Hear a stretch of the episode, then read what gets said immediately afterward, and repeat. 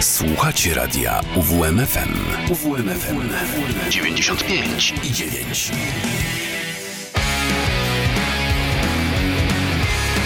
To mi gra. Witam serdecznie. Nazywam się Krzysztof Busterewicz. Pochodzę z Olsztyna. Skończyłem tutaj studia na Uniwersytecie Warmińsko-Mazurskim. Był to kierunek dziedzictwo kulturowe i przyrodnicze. Jakiś czas temu podjąłem decyzję o uczestnictwie w wiosennych przesłuchaniach w radiu UWMFM. Od jakiegoś czasu miałem w głowie pomysł stworzenia swojej własnej audycji muzycznej. Jestem fanem muzyki progrokowej od małego. Mój tata słuchał takich zespołów jak Rush, Marillion, Camel, Pink Floyd, ale także Jethro Tull, King Crimson albo Emerson, Lake and Palmer. Jego ulubionym zespołem zawsze było Rush, kanadyjskie trio składające się z basisty Gediego Lee, perkusisty Nila Pearta oraz gitarzysty Alexa Lifesona. Zespół początkowo wzorował się na takich sławnych kapelach jak Led Zeppelin bądź też Cream. Już w połowie lat 70.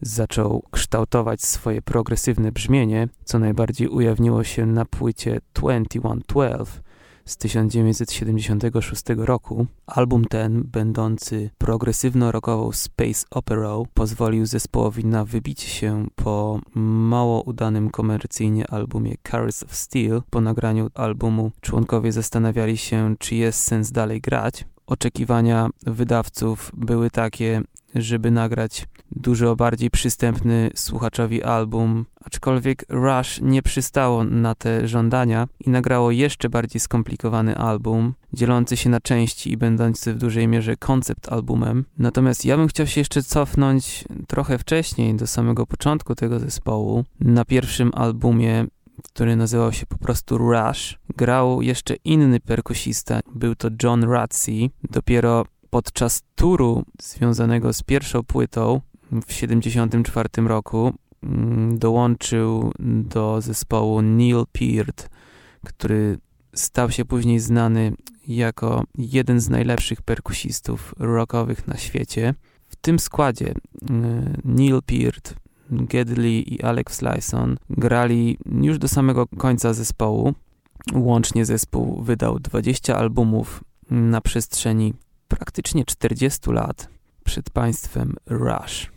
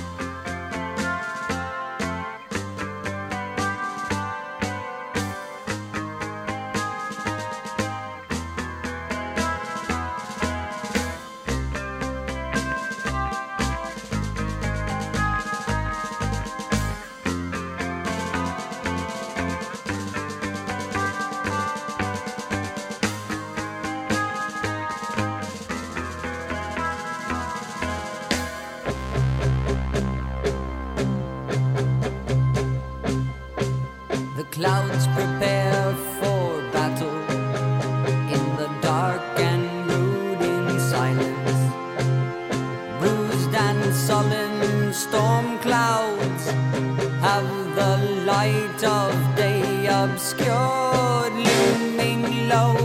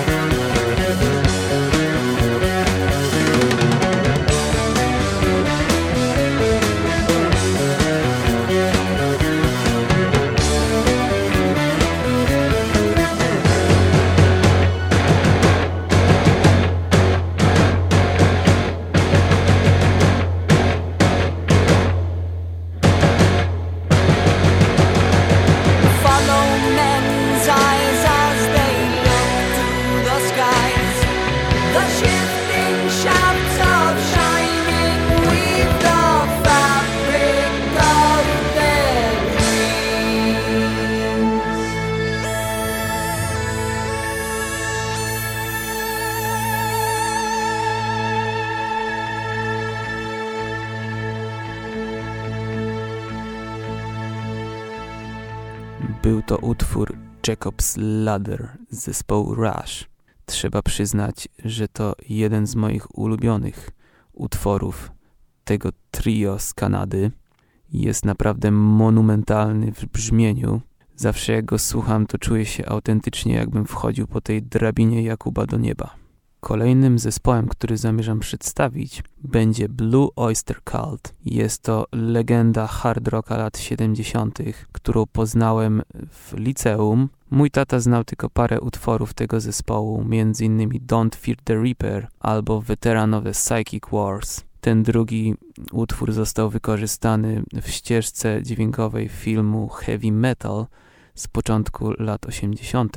Ja natomiast zamierzam przedstawić utwór z najbardziej progresywnej płyty Blue Oyster Cult, która nazywa się Secret Treaties i została nagrana w 1974 roku. Przed Państwem Blue Oyster Cult.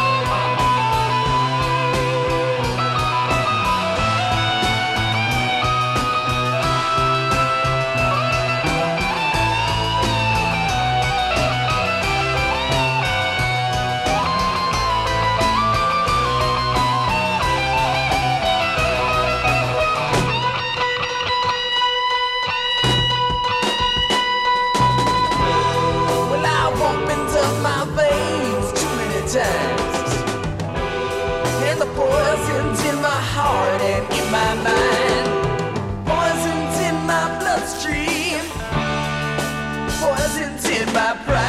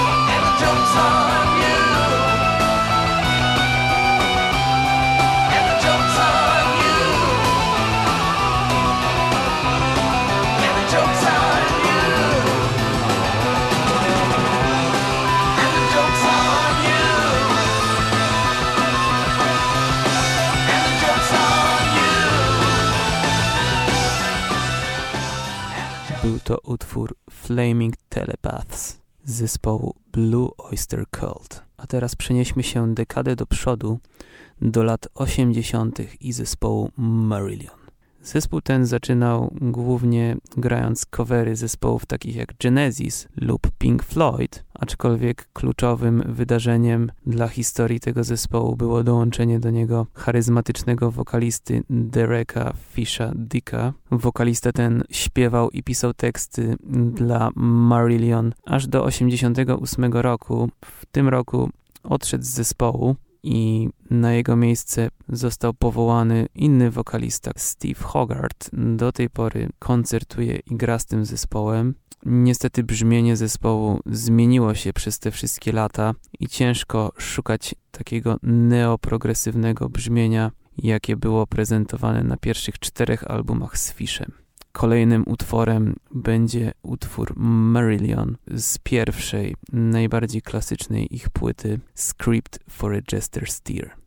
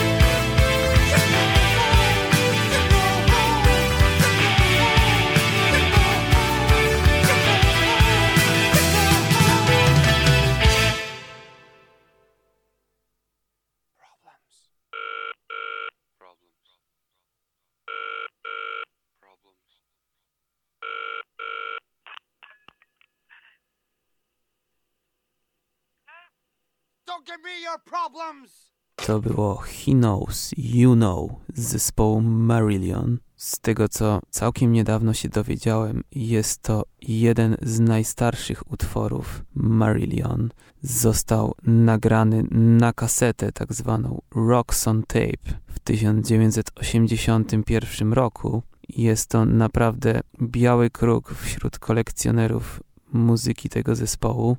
I trzeba przyznać, że wersja He Knows, You Know z tej kasety diametralnie różni się od późniejszej, dużo bardziej rozbudowanej wersji z ich pierwszego albumu. Jednym z prekursorów progresywnego rocka jest zespół King Crimson. Zespół ten powstał pod koniec lat 60.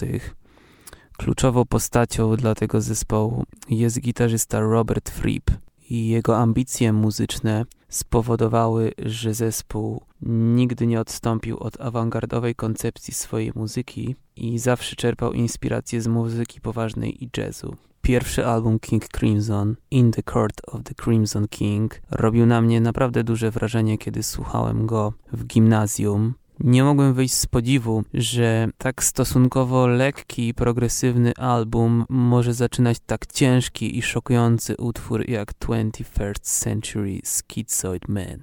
Utwór, który wybrałem do mojej audycji, pochodzi natomiast z drugiego albumu King Crimson. Jest to jednocześnie ostatni album, na którym występuje gitarzysta i wokalista Greg Lake przed państwem King Crimson.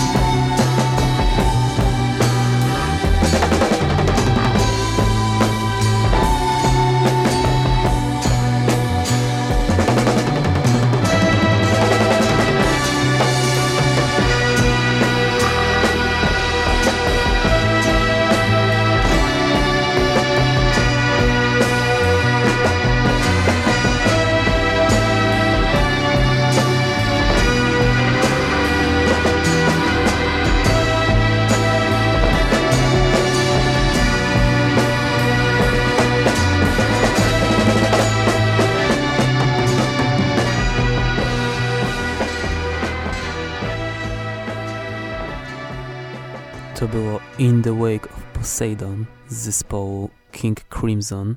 Po nagraniu tego albumu Greg Lake postanowił opuścić skład, aby stworzyć supergrupę nazywaną Emerson, Lake and Palmer od nazwisk wszystkich trzech muzyków, którzy weszli w jej skład. Oprócz Grega Lake'a był to także Keith Emerson z D-Nice oraz Carl Palmer z Atomic Rooster. Na moim zainteresowaniu progresywnym rockiem wyrosło również zainteresowanie innym gatunkiem rocka. Był to rock psychodeliczny. Zalążek temu zainteresowaniu dał oczywiście mój tata. Słuchał takich zespołów jak The Doors, Iron Butterfly oraz Pink Floyd. Tutaj zamierzam się skupić głównie na tym ostatnim zespole. Pierwsze dwa albumy Pink Floyd są wręcz definicją psychodelicznego rocka.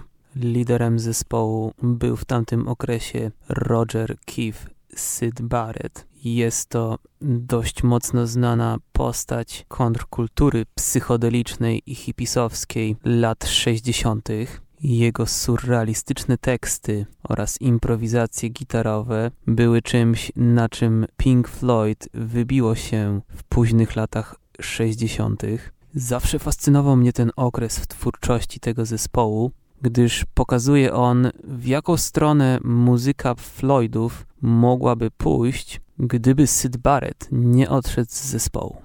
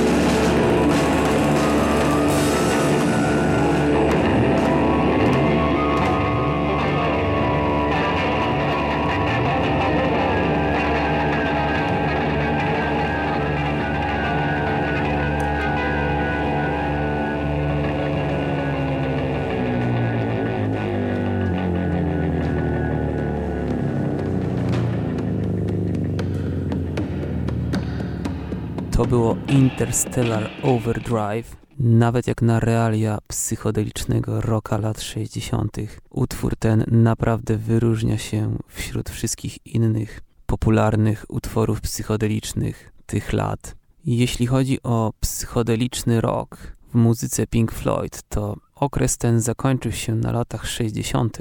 Po odejściu Syda Barretta na jego miejsce przyszedł nie kto inny jak sam David Gilmour. Na początku zajmował się graniem partii Barretta na koncertach. Z czasem wykształcił swoje własne brzmienie. Ono najbardziej ujawniło się po raz pierwszy na albumie Metal, a skoro mówimy o tym albumie, to warto też wspomnieć legendarny występ Floydów w opuszczonym amfiteatrze w Pompejach. Do tej pory uważam, że jest to jeden z najlepszych koncertów w historii rocka progresywnego.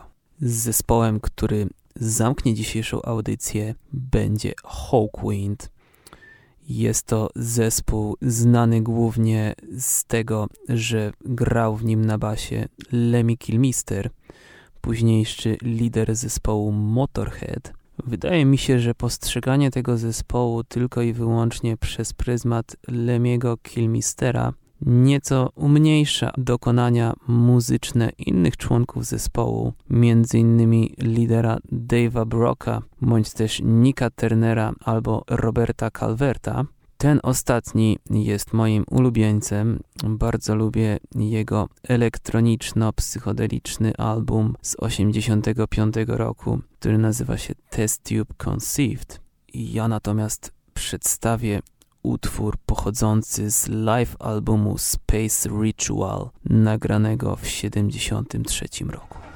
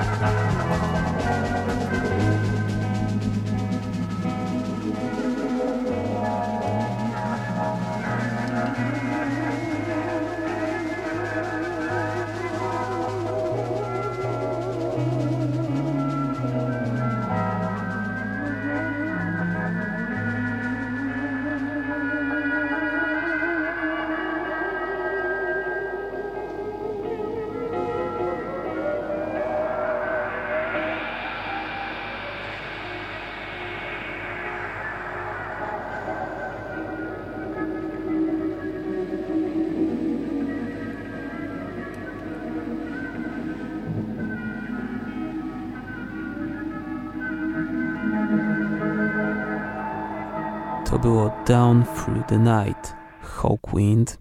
Jest to moim zdaniem szczytowe osiągnięcie tej grupy. Nie bez powodu mam na swojej czerwonej katanie ekran z cover artem tego albumu.